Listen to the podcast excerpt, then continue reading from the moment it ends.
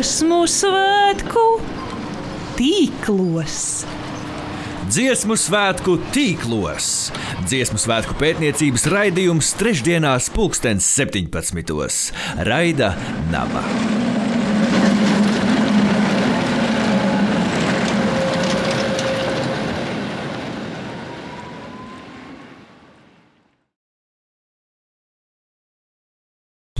Labdien! Raidījums dziesmu svētku tīklos atkal radio un abas ēterā. Šī dienas temats - tradicionālais un mūsdienīgais dziesmu svētku kontekstā. Protams, šodien mums trīs viesi. Valdis Muktvāvels, Latvijas universitātes profesors, folklorētājs, komponists, arī korists, nu vismaz bijušais. Labāk, labdien, Valdi!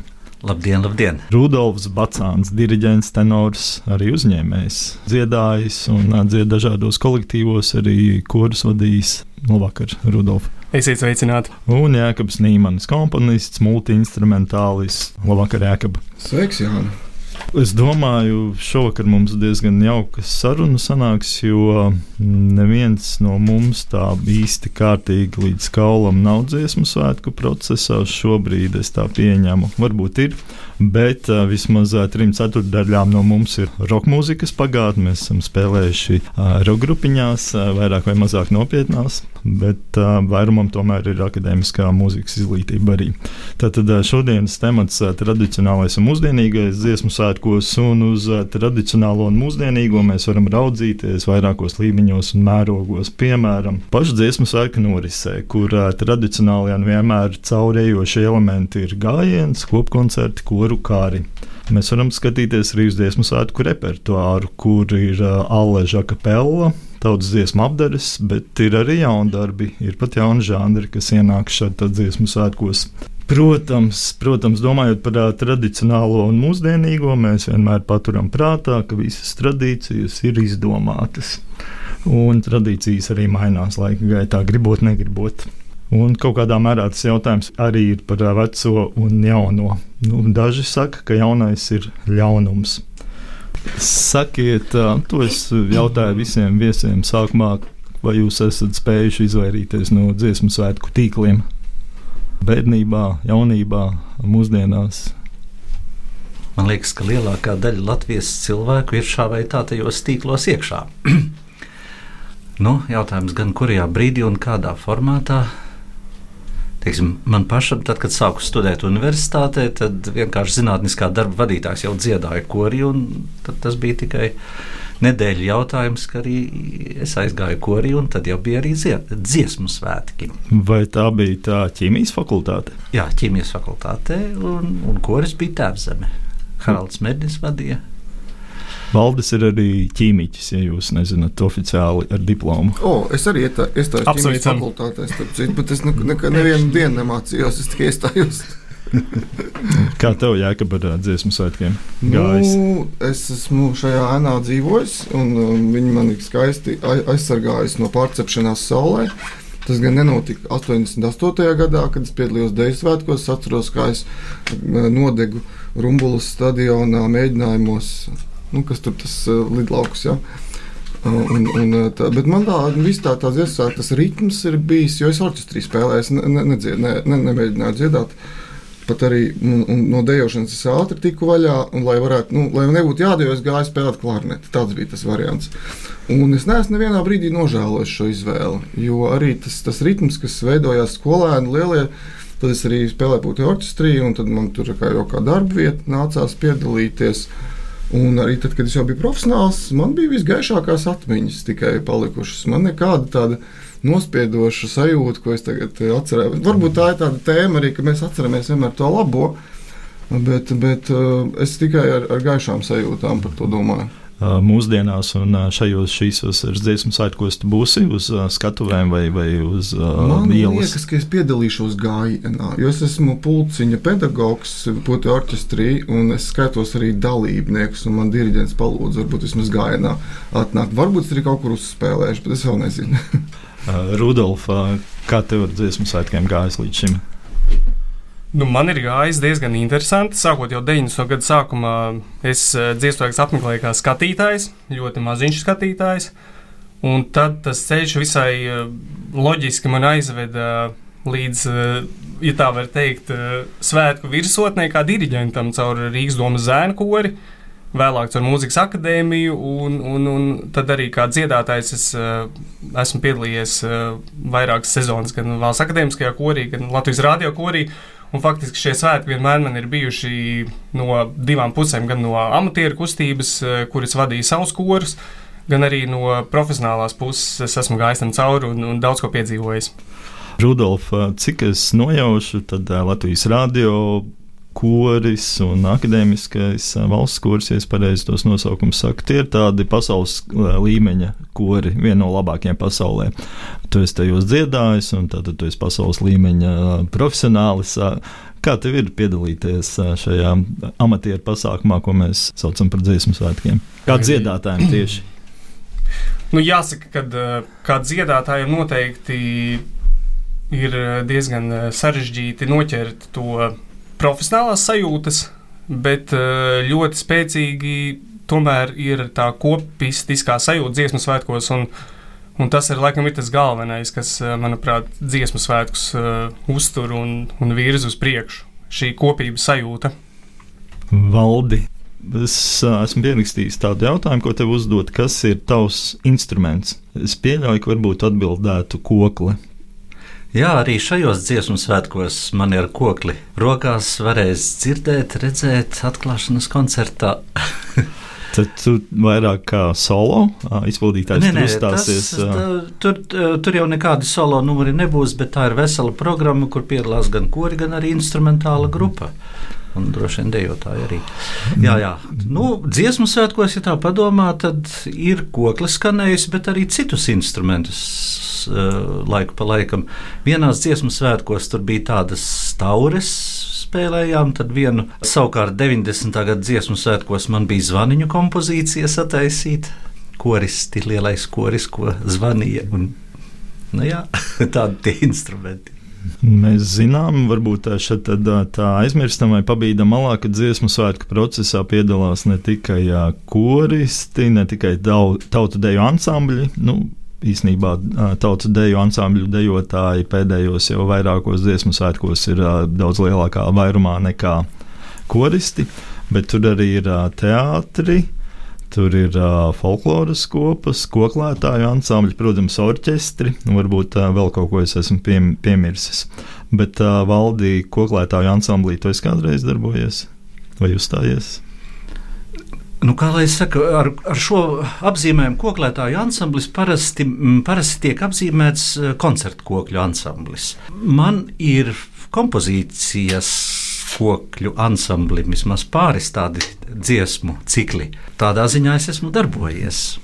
Kaut kad arī man pašam rokās ir bijusi tāda lielāka kokla ar, ar, ar pustoņu pārslēgiem, un, un laiku pa laikam arī tādas iznāk spēlēt. Bet uh, Koklis jau ir arī dažādas. Ir arī tādas, kuras teiksim, ir diatoniskas, ar diezgan maz, salīdzinoši mazāk stīgām. Tur arī ansambļi ir un arī tādos iznāk darboties laiku pa laikam. Arī Jēkabs mums ir komponists. Vai tev ir tāda ambīcija, ka kāda no tavām dziesmām, kur dziesmām, es nezinu, vai tev jau tādas ir, kādreiz tiktu atskaņotas dziesmu svētkos gala nu, koncertā? Es domāju, Jēkabam ir ļoti daudz skaņdarbu, kuri pelnījuši tikt iekļaut dziesmu repertuārā. Bet Jēkab, tu to gribi, tu uz to tiecies, tu pie tā piestrādā. Nav, tas ir tāds, nu, tas nav, zin kā, ir tāds priekšstats cilvēku sabiedrībā, ja par to daudz runā, tad to visi grib. Ja? Un tas ir piemēram par Eirovīziju arī, kad nu, tā, tā, tas ir tas Olimps, ja, kur tagad viss raujās. Bet eh, nu, kaut kādā ziņā no nu, labi, Eirovīzija tas tiešām jau tāds kā, sports. Ja? Bet, bet šajā gadījumā es domāju, ka tāds. Nu, Nē, nu, ja kādam kaut kas patiks un interesēs un liksies piemērots, jā, bet es nekad nerakstu nevienu kompozīciju, domājot, ka to dziedās 10,000 vai, vai 30,000 cilvēki. Man nav tādas, eh, tāds uzstādījums, kad es komponēju. Man neviens to nav arī prasījis. Mhm. Nu jā, tad jau arī iznāk tā kompozīcija sakonstruēta būs, jo tu domā tieši, à, kā tur skanēs. Tur ir savi likumi, tur ir savi likumi, tempi, un ir, ir dzirdēti gadījumi, kad tromkomponistam sanāk, kad nesanāk, nu, bet tas ir tāds, nu, Es arī, nu, tas nav tāds dzīves mērķis, jo komponists var būt absolūti piepildīt laimīgu dzīvi Latvijā, dzīvot arī neuzrakstot nevienu kordziesmu un nepiedalīties Ziemassvētkos. Bet, eh, protams, ka, ka kaut kādā ziņā justies vajadzīgam komponistam ir tāda pamat vēlme. Īpaši interesanti varētu būt tēma, ko varētu papētīt uh, dziesmu svētku noslēguma koncertu māksliniecisko vadītāju attiecības ar, ko, ar saviem pietuvinātiem komponistiem un, un tādu tandēmu virzīšanās uz priekšu. Jo bieži vien ir novērojams, ka katrs mākslinieckais vadītājs iekļauj repertuārā savu komponistu. Tas ir dziļākais pētījums, tāds, kur jau iekšā struktūrā. Man bija tāds lielākais glaims, kad uh, Juventus skora uh, jubilejā uh, bija izvēlētie komponisti, kuriem pasūta skandarbs, un tos ievēlēja koristi. Tas bija tāds tautas balsojums. Un es šajā topā biju iekļuvis. Man bija tā, oh, tur starp tiešām tādiem lieliskiem. Vai tā nebija kāda dziesma no teātra vai no mūžības? Jā, jāndarbs jādara, jārada vienkārši tur uz tā un padomā par to tēmu, ko man tas nozīmē. Un, un tad es tā uzrakstīju jaundarbu. Atgriežoties pie jaunradas tādā plašākā kontekstā, saistītas ar dziesmu svētkiem, Rudolfs Bacāns, ne tikai tenors, diriģents, bet arī pieņemsim uzņēmējs, un viņš organizē, Rudolfs, tu organizē šo dziesmu svētku laikā pasākumu, kas īsti laikam ar dziesmu svētkiem tieši nav saistīts, bet varbūt arī ir. Un te ir runa par uh, 93. gada dziesmu svētku noslēguma koncerta atjaunojumu. 7. jūlijā, ja nemaldos. 7. jūlijā attā centrā Krastmalā. Pastāsti, kas tik īpaši bija 93. gada dziesmu svētku noslēguma koncertā, ka tas ir jāatkārto? Nu, jā, nu, gluži prom no dziesmām es nespēju šajā ciklā tikt, jo faktiski šis ir pirmais cikls, kurus izlaižu kā aktīvs diriģents un dziedātājs. Taču uh, es atcerējos, ka tieši pirmie dziesmāki bija 1993. gada dziesmu svētki, uz kuriem es eh, biju kā, kā mazs puika. Un eh, kaut kā nostalģiski izdevās tikt pie svētku ieraksta. Un tajos svētkos es sajūtu, ka bija pilnīgi kaut kāda unikāla atmosfēra, jo cilvēki bija tikko atjaunojuši Latviju.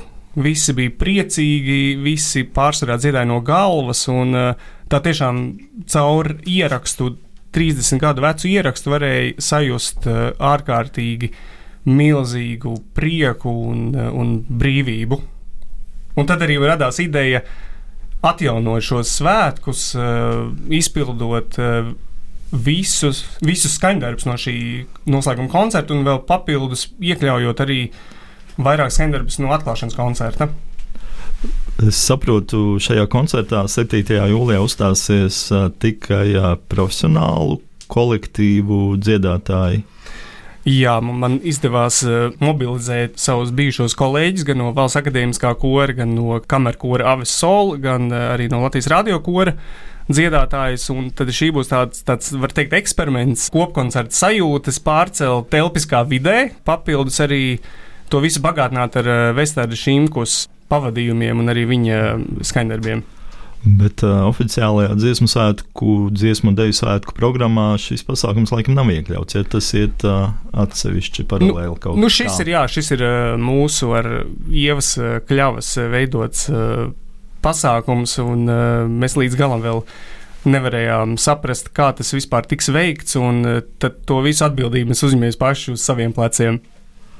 Protams, riskants pasākums, bet, lai veicās, savukārt Jēkabs Nīmanis ir cita starpā zināms arī ar to, ka viņš ar kolēģiem, draugiem un paziņām Tā bija laikam pagājušā vasarā, ja Valmieras teātra festivāla ietvaros rīkoja citu dziesmu svētku pasākumu.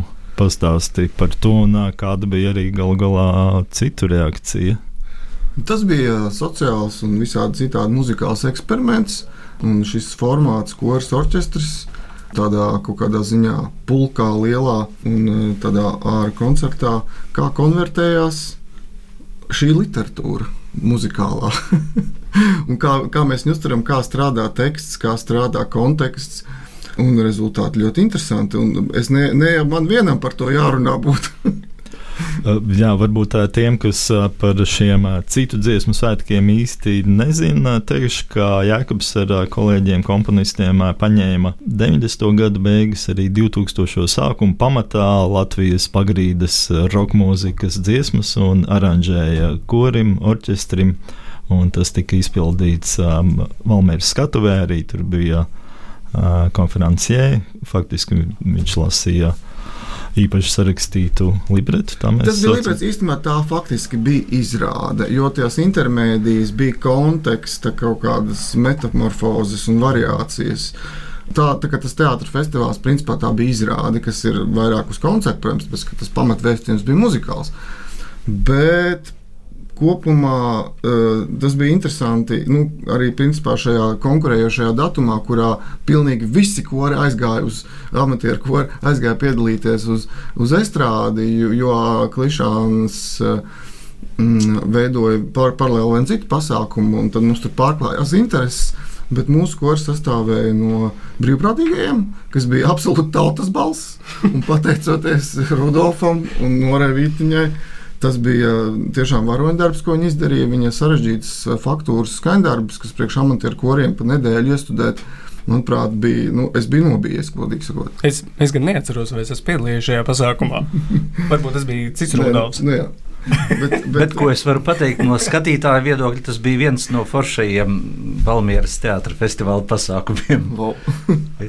tur, tas bija tur ārā tur gar kapiem, kur jā, aiziet. Jā, jā, jā. tajā aiz kapiem jā, jā. tur mhm. dziedājam. Nē, nu es biju domājis, tu kā, kā koordiģents varbūt arī kā jā, jā, jā, tas, tas konteksts saprotams un tā. Nu, jā, e, tā kā mums bija šis, šī pieredze un šis notikums tāds ļoti konkrēts, un, un es principā šo ideju biju izdomājis jau tad, kad vēl bija Mierēls festivāla laiki vasaras svētku īstenībā šobrīd tieši tā sezona. Un, un viņi man kaut kā iestrēga sakarā ar maniem citiem darbiem, un Reinis Hānos man viņi atdzīvināja kaut kā, un tad no, lika noticēt tam visam. Kā jums uh, šķiet, uh, cik tālu mēs varam drīkstam iet, domājot jau par lieliem dziesmu svētkiem, uh, pludinot iekšā popmūziku, rockmūziku? Jā, pamatā, kā jums šķiet? Es, piemēram, gaidu, kad beidzot uh, uz lielās skatuves noslēguma koncertā spēlēs kāda īsta roka ar visiem saviem elektriskajiem instrumentiem un bungām. Protams, tādas folkroka grupas kā Oļi mums ir bijušas, vai ne, un folka grupām nerunājot, bet tāds īsts roks vēl nav bijis kopā ar kopkori. Tas kādreiz notiks, vai cik drīz tas notiks? Šķiet? Man šķiet, ka vajag notikt tādam procesam, kura galvenais mērķis būtu atbrīvosim dziesmu svētkus. No kā? No visa pārējā, kas nav dziesmu svētki. Tā tad tu, atgriezties pie pirmsākumiem. Tu teiktu, tie trīs elementi - ja gājiens, kopkūra koncerti un koru kari. Koru kari jā. Ar trim lietām pietikt. Nu, īstenībā, kas vēl pirmajos dziesmu svētkos, nu, pašos pirmajos ne, bet pēc tam tālāk, protams, tur parādījās arī kāds simfoniskais koncerts. Un, un tā, nu, droši vien, ka cilvēki ir cilvēki sabraukuši no visas Latvijas un ārpus Latvijas un grib kaut ko vēl. Bet tas kaut ko vēl, ja viņš sāk nomākt dziedāšanu, tad, nu, tad, tad, tas paliek liels, tāds daudz uh, plākšņains, daudzdimensionāls festivāls, kur dziesmu svētki ir tikai viens no komponentiem. Tieši par šo domāju, un arī skatoties, kāda ir dziesmu svētku programma. Es atvēru dziesmu svētku LV vai dziesmu svētku 23 LV programmu, un tad man atverās viena lapa, un es apakšā redzu, ka tur vēl kādas septiņas ir uz priekšu. Tātad, uh, desmitiem, es nezinu, varbūt 100 vai 150 pasākumi. Labāk, lai kultūras patēriņš ir tā vienmērīgāk sadalīts, nevis tagad četros vai piecos gados vienu reizi, tagad, nu, tagad viss kultūras lauciņi. Uh, piedzīvo savu kulmināciju. Jā, man ir tāds jēdziens radies varbūt arī no kāda nozaga dziesmu svētku nogurums, un tas dziesmu svētku nogurums jau man ir sācies krietni pirms dziesmu svētkiem, un kas notiks tajā dziesmu svētku nedēļā. Es nezinu, varbūt es meklēšu kādu uh, vietu, kur var aizbēgt no dziesmu Bet, jā, svētkiem. Tu esi dīvains. Saprotiet, tu nevari pēc sevis, ja cilvēki izpērk biļetes, ja cilvēki ar skubu mēģina piedalīties un nāk uz mēģinājumiem, tas liecina par to, ka tas ir vajadzīgs. Un tas, ka mums intelektuāļiem kaut kādiem gudriem pārdomas par to, kas ir pareizi, nepareizi, tu visu jau parāda cilvēku griba. Un Ziemassvētki ir tieši tādi, kādus tos padara cilvēki. Nevis tur kaut kāda mistiska komiteja, kura pieņem lēmumus, ne, neignorējot visu pasauli. Tur tā nav, manuprāt. Es tev daļai piekrītu, bet uh, uz uh, kādiem pasākumiem cilvēki izpērk uh, biļetes. Protams, uz lielajiem koncertiem, arī varbūt uz uh, deju, deju pasākumiem Daugavas stadionā, bet vispārējie 95% pasākumi ir diezgan tukši. Nu, piemēram, man atmiņā ir mazākuma tautību koncerts Vērmaņa dārzā dziesmu sēklu laikā. Un tur, protams, tie, kas garām iet, un, un daži vecāki vai, vai mazbērni vai kas arī tur ir. Bet, nu, tukša tā vērmeņa parka izstrāde ir. Un es domāju, tas pats ir ar daudziem, daudziem citiem pasākumiem. Bet tāpat skaitā tas ir publisks pasākums, šeit ir pilns ar turistiem. Eh, viņi ir, ja viņiem ir iespējas apmeklēt, viņiem ir informācija, Manuprāt, tur viss ir kārtībā. Es neredzu tajā problēmu. nu, turisma arguments ir liekas, pavisam dīvains. Ja, tagad uh, mēs ar dziesmu svētkiem un uh, latviešiem it kā, it kā dziedātāju tautu piesaistīsim turistus, ka kaut arī tāpat laikā mums nav viesnīcu. Biļetes, protams, turisti pat mēs nemākam nopirkt, uh, nevaram uz lieliem uh, koncertiem, kur nav turisti. Turisti Bet ir dīvains. Turisti ir uh, nu, ārzemju latvieši un arī tie, kas ir ārzemju latviešu pēdējās paudzes. Saprotiet, tie nav tie turisti turisti, kas runā svešās valodās. Varbūt paturpinot to, ko Valdis teica, arī es iekšēji uzskatu, ka varbūt kora dziedāšana tomēr pēdējos svētkos ir mazliet pavirzījusies malā, un uh, tieši tās uh, saknes, no kādas viss ir cēlies, uh, kaut kur ir apaugušas ar cita veida izteiksmes līdzekļiem, ja tā var teikt. Bet tie ir svētki arī dejotājiem, un jāņem vērā, ka dejotāji arī pievienojušies eh, šīs tradīcijas viducī, ja tā var teikt.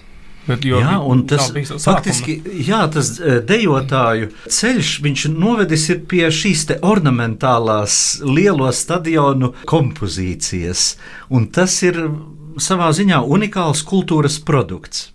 Nezinu, vai viņiem jāpastāv tiešām vienlaicīgi. Varbūt var katrs aiziet. Drusku atgādina Ķīnu. Viņiem nu, šie, te, šie te svētki tādi, kad sanāk kopā un taisa rakstus. Un eh, es varbūt piem, piemetināšu savā projektā 93. gada svētkiem. Eh, esmu izņēmis visus numurus, visas tautu kopas, kas skanēja, būs tikai vienīgi kora mūzika, akapela un ar pavadījumu. Un, un tas, tas varbūt būs tāds, tiem, kuriem pietrūkst kora mūzikas, tie varēs veldzēties šajā brīdumā. Jā, jo es īpaši papētīju dziesmu svētku programmu tajā dienā. Man liekas, tajā dienā ir eh, pārsvarā lielie deju pasākumi. Tātad tiem, ja, ir... Mēs visi salāgojām, lai steidzīgākie cilvēki un veiksmīgākie, kuri tiks pie eh, biļetēm uz, uz, uz Daugavas stadionu, uz deju svētkiem, tie varēs pagūt arī pēc mūsu koncerta Riksī uz stadionu. Jēkab, es zinu, tu esi bijis daudzos dažādos festivālos, roka pagrīdes, arī noteikti akadēmiskās mūzikas, visādos decibelos un arēnās. Ja tu salīdzini dziesmu svētku to pasākumu nedēļu kā festivālu ar cita veida festivāliem, Nu jā, tur ir uh, cits mērķis un cita auditorija. Un tā auditorija, kas ir tādai varbūt akadēmiskai mūzikai, kurā, kuru rada teiksim, cilvēki jau zinot, ka to klausīsies. Kā, nu, krietni ierobežots cilvēku skaits, un kuriem ir kaut kādas specifiskas intereses, nu, ļoti grūti salīdzināt, jo viņiem ir pilnīgi cits uzdevums tiem festivāliem. No vienas puses, uzdevums ir sagādāt prieku un, un nest jaunu, svaigu informāciju un kultūras apmaiņu arī starp dalībniekiem. Bet um, Tiesvētki tomēr ir simbols un kaut kādā ziņā viņi jau ir viņi jau uz, uzliek ļoti stiprus pienākumus. Tie festivāli, kas, kurus tu minēji, viņi ir daudz brīvāki no pienākumiem. Viņu, viņu organizatori var būt daudz anarchistiskāki un trakāki un dīvaināki. Viņiem ir ļoti, ļoti daudz iespējas kļūdīties arī. Ziemassvētku organizatoriem tādas iespējas nav. Valdis ir uh, rakstījis, uh, sarakstījis Čirklī Nacionālā encyklopēdijā par uh, dziesmu svētkiem, un uh, vismaz pāris vietās valdi tu raksti, un mini, ka ļoti svarīgs ir mākslinieckais līmenis, tātad mākslinieckā ekscelence dziesmu svētkos. Pats tu tajā pat laikā vairāk darbojies folk mūzikā, folkloras, autentiskās mūzikas laukā. Un tur uh, ir kaut kādi citi kriteriji galvenie. Cik tev pašam liekas, tas profesionālais līmenis ir, ir svarīgs un būtisks? Ja paskatās vispār, kā dziesmu svētki radās, un, un, un tā bija kora dziedāšana lielākajā Eiropas daļā visu 19. gadsimtu. Un tā dziedāšana bija īstenībā uz balsīm. Uh, komponists speciāli taisīja mūziku. Tātad tas nebija nu, teiksim, tāda uh, tautiska divbalsība vai, vai vienkārši vienbalsīga dziedāšana, bet tur jau bija iezīmēts tas, tātad profesionāli komponisti veido repertuāru. Tas nozīmē, un ja diriģenti diriģē, tad tie diriģenti arī ir profesionāli. Tātad tas bija iezīmēts jau pašā sākumā. Un uh, šis virziens ir aizgājis un faktiski kļuvis par diezgan tādu integrālu dziesmu svētkiem. Tātad, ka tas līmenis ir. Bet ļoti labi paskatāmies Igauniem. Es faktiski vienos Igaunu studentu dziesmu svētkos biju un tur noķēru to sajūtu, kas bija pašiem Igauniem, ka viņiem īstenībā ir tas eh, profesionālais līmenis neinteresē tik daudz, kā tomēr sanākt kopā un kopā padziedāt. Un tas nozīmē, ka tur viņi pieļauj arī tādu brīvāku interpretēšanu, varbūt ne tik stingri sekot partitūrām, bet lai tā melodija būtu tāda, tomēr varētu visi arī pievienoties. Un bija tāda sajūta, ka viņiem tie dziesmu svētki ir dziļāk iekšā, uh, nu, tā sakot, jau gandrīz gēnos iekšā, jo viņi nemēģina veidot mākslu, bet tā kopā būšana, sadziedāšanās ir. Nu, lūk, un atrast to līdzsvaru starp to profesionālo līmeni un šo kopā būšanu un vienkārši izdziedāšanos, nu, tā, tas ir izaicinājums. Un tāpēc, starp citu, man liekas, ka ir radies. Um, viens mehānisms, kur kompensē šo prasību pēc augstā mākslinieckā līmeņa, un tas mehānisms ir pēcdziedāšana. Tad, kad viss ir beidzies, tad visi paliek un beidzot mēs varam padziedāt, kā gribam. Arnolds eh, Klotiņš jau diezgan sen ir izteicis eh, tādu tēzi, salīdzinot un faktiski atbildot jautājumu, kāpēc eh, dziesmu svētku kustība mira tur, kur tā sākās, tātad Vācijā, Austrijā, Šveicē bet uh, saglabājās, piemēram, Latvijā un Igaunijā. Viņš saka, ka tas notika tāpēc, ka mūsu valstu profesionāļi, mūzikas profesionāļi, viņiem saglabājās interesi par šo fenomenu. Kāpēc saglabājās, tas varbūt ir cits jautājums, bet jums, kā mūzikas profesionāļiem, kā jums šobrīd liekas, cik stipra ir mūzikas, es runāju, protams, par akadēmiskās mūzikas profesionāļu interesi par dziesmu svētkiem? Šis laikam jautājums ir uz manu pusi. Arī. Vai Jānis arī, grib? Nē, nē. es uh, varbūt izdomāšu tūlīt atbildi uz uh, pēdējo jautājumu, bet, ja drīkst paturpināt par Igaunijas svētkiem, priekšsacīto, tad uh, pats es esmu piedalījies gan ziemeņu, ziemeļu, Baltijas dziesmu svētkos, gan, gan studentu dziesmu svētkos, un faktiski tā sajūta man kā dziedātājam, nu, Es tomēr teiktu, ka tas ir tāds eh, nu, nedaudz tā var teikt, eh, tā kā balagāns, jo, jo tā sajūta ir, tie diriģenti mainās viens pēc otra. Tās dziesmas ir eh, saliktas bez nekādas, nezinu, mākslinieciskas jēgas, un, un, un, un tā sajūta tiešām ir kā tāds festivāls, kur visi labi pavada laiku un, un, un, un cenšas pārdzīvot kopmēģinājumus. Bet paturpinot to jautājumu par profesionālo un akadēmisko vidi, noteikti ir divējādi, jo, jo ir cilvēki, kuri redz eh, tajā visā lielu piepildījumu un lielu vēlēšanos būt, bet ir arī tādi, kuri es pieļauju. Nebūs uh, dziesmu sākuma dalībnieki, jo viņiem tā ikdiena tomēr ir tik piesātināta ar lietām, ka kaut kur, uh, nezinu, vai, vai, vai, vai tas ir kāda greizsirdība, ka varbūt viņi nav tie diriģenti vai, vai kaut kā savādāk, bet uh, es neteiktu, ka ir tāda kopīga vilkme jūtama. Vai pareizi es dzirdu tavā atbildē, Rudolf, ka tev nav šī ambīcija būt par virsdiriģentu dziesmu svētkos? Nē, es domāju, ka uh, es ļoti vēlētos uh, izbaudīt šo sajūtu, kā ir uh, vadīt kopkori, jo man, man liekas, tā ir unikāla iespēja, uh, kur ir dota tikai retajam Labi, Ja to kāds, mēs- atte, ja kāds atsakās šajos sēkos diriģēt, tad uh, es labprāt pieņemšu šo piedāvājumu. Es gribēju papildināt par to profesionālitāti un par to, piemēram, vai man ir interesanti klausīties koncertus. Īpaši tajā mm, lielā koncertā patiesībā tur ir ļoti interesanti mākslinieki izaicinājumi. Un man ir vienkārši interesanti, kā ar tiem tiek galā.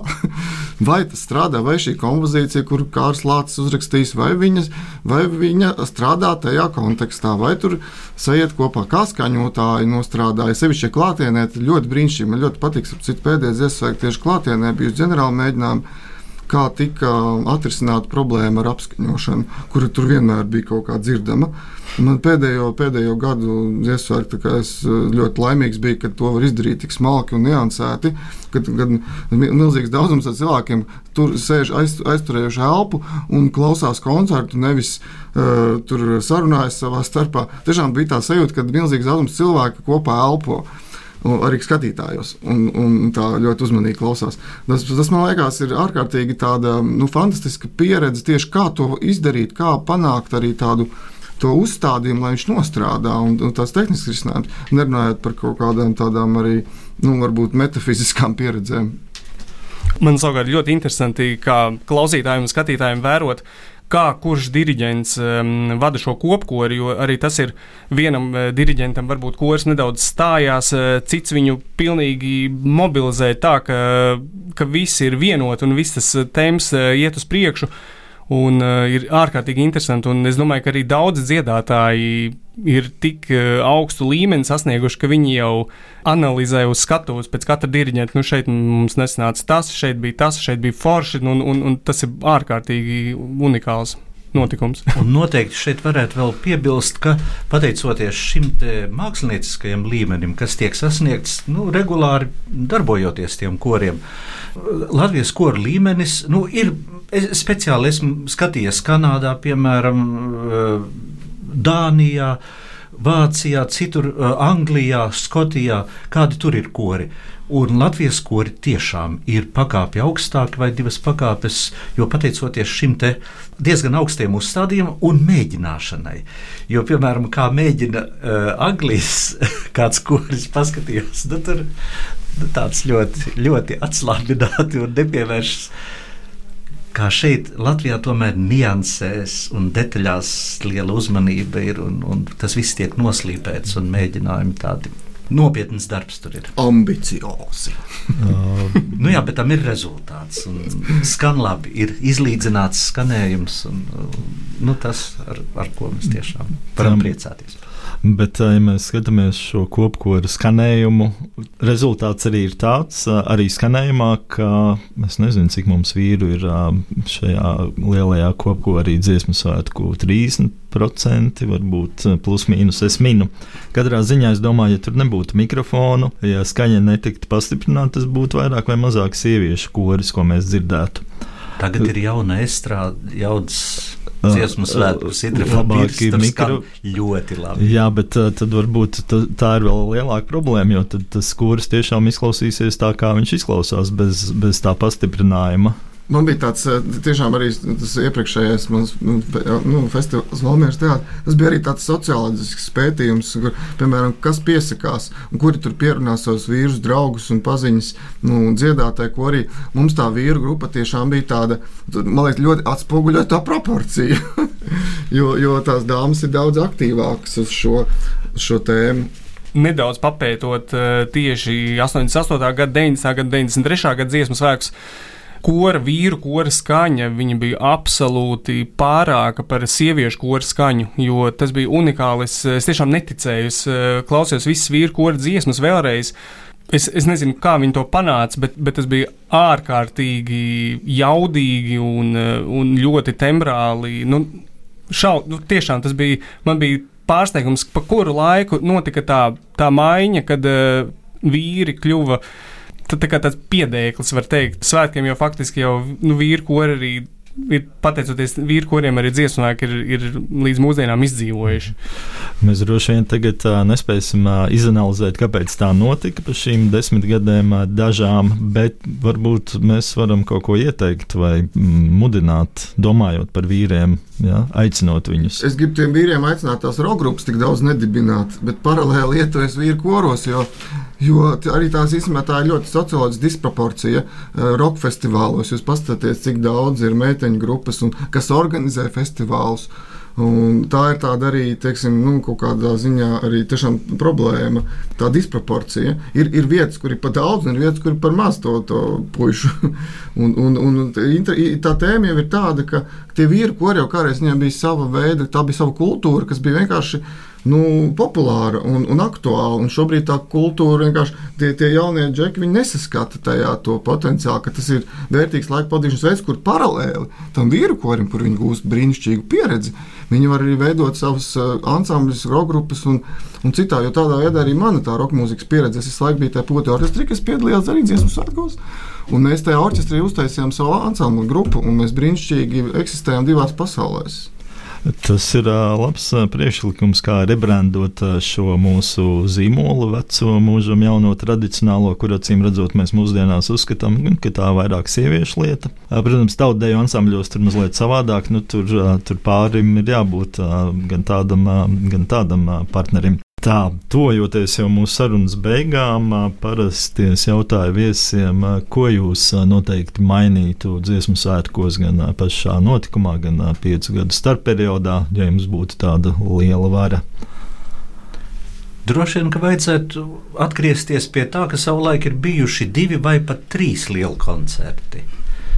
Tagad viņš tāds viens unikāls, tiec, tad netiec. Nu, man kā komponistam visu, visu vārdā, protams, ir jārunā par to, ka repertuārs ir jāatsvaidzina mērķtiecīgi. jo pasūtīt jaunus skaņdarbus, kuru daļa visticamāk arī būs neveiksmīga, un tas ir normāli, tā ir jābūt. Tikai tādā veidā mēs varam tikt pie Saula Pērkons Daugava, un tādā veidā rodās kaut kas, ja ir šīs te e, daudzums un aprite, un tiek iesaistīti daudz komponistu. Un, un dziesmu svētku lielkoncerts var būt arī kā pirmatskaņojuma platforma brīnišķīga vairāk.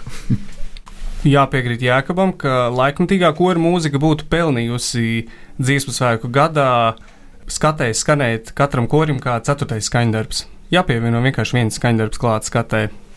Laikmatīgā kora mūzika. Kā jums šķiet, kura būs pirmā Latvijas grupa, kura tiks, ja ne pašā lielākajā dziesmu svētku koncertā, tad nu, otrajā lielākajā varbūt kaut kad? Vai ko jūs ieteiktu? Ja jums būtu tā vara. Nu, es domāju, man pir, pirmā doma vienmēr ir Skyforger, lai, lai Skyforger iet ar savu. Lai dimdina. lai dimdina. Kā, Pievienojos. Lai, jā, es, es apstiprinu šo izvēli. Man varbūt vēl bija 15 varianti, bet es, jā, Skyforger aiziet. Labi, bet vēl, vēl. Es tīri tehniski atkal teiktu tā, ka vajadzētu tādu, lai tomēr teiksim, ģitāru eh, skanējums ir salīdzinoši tāds tīrs, bez fūža efektiem un, un tādiem kas mums varētu derēt šim variantam. Nu, redz, arī te, tā izvēle starp populāro un starp kaut kādu arī nu, tādu jau izsmalcinātāku, nezināmo. Tā izvēle starp to, ka grib parādīt, un lai cilvēks atklāj vai dot to, ko viņi jau pazīst. Protams, ja viņi grib to, ko pazīst, tad tur jau tur tās grupas ir 5, 6. Jā. Varbūt no Somijas var eh, lordus paaicināt, atklāt svētkus. Jā, es, piemēram, ļoti gribētu, lai kaut kāda imanta dakša dziesma. Es, es saku, saklausījos tajā mūsu festivālā mm. pagājušajā, kā viņas brīnišķīgi konvertējās. Brīnišķīgi, fantastiski dziļi teksti, smalki.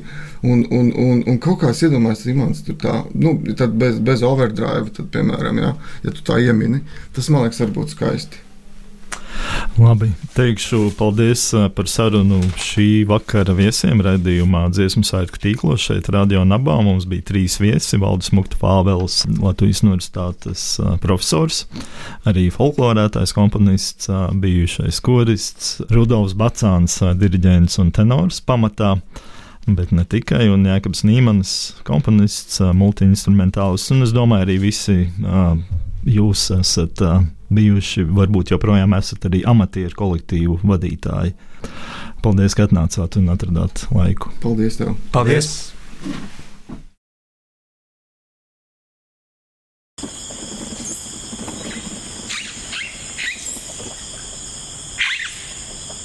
Dziesmu svētku tīklos. Dziesmu svētku tīklos. Dziesmu svētku pētniecības raidījums trešdienās, pulkstens 17. Raida Naba.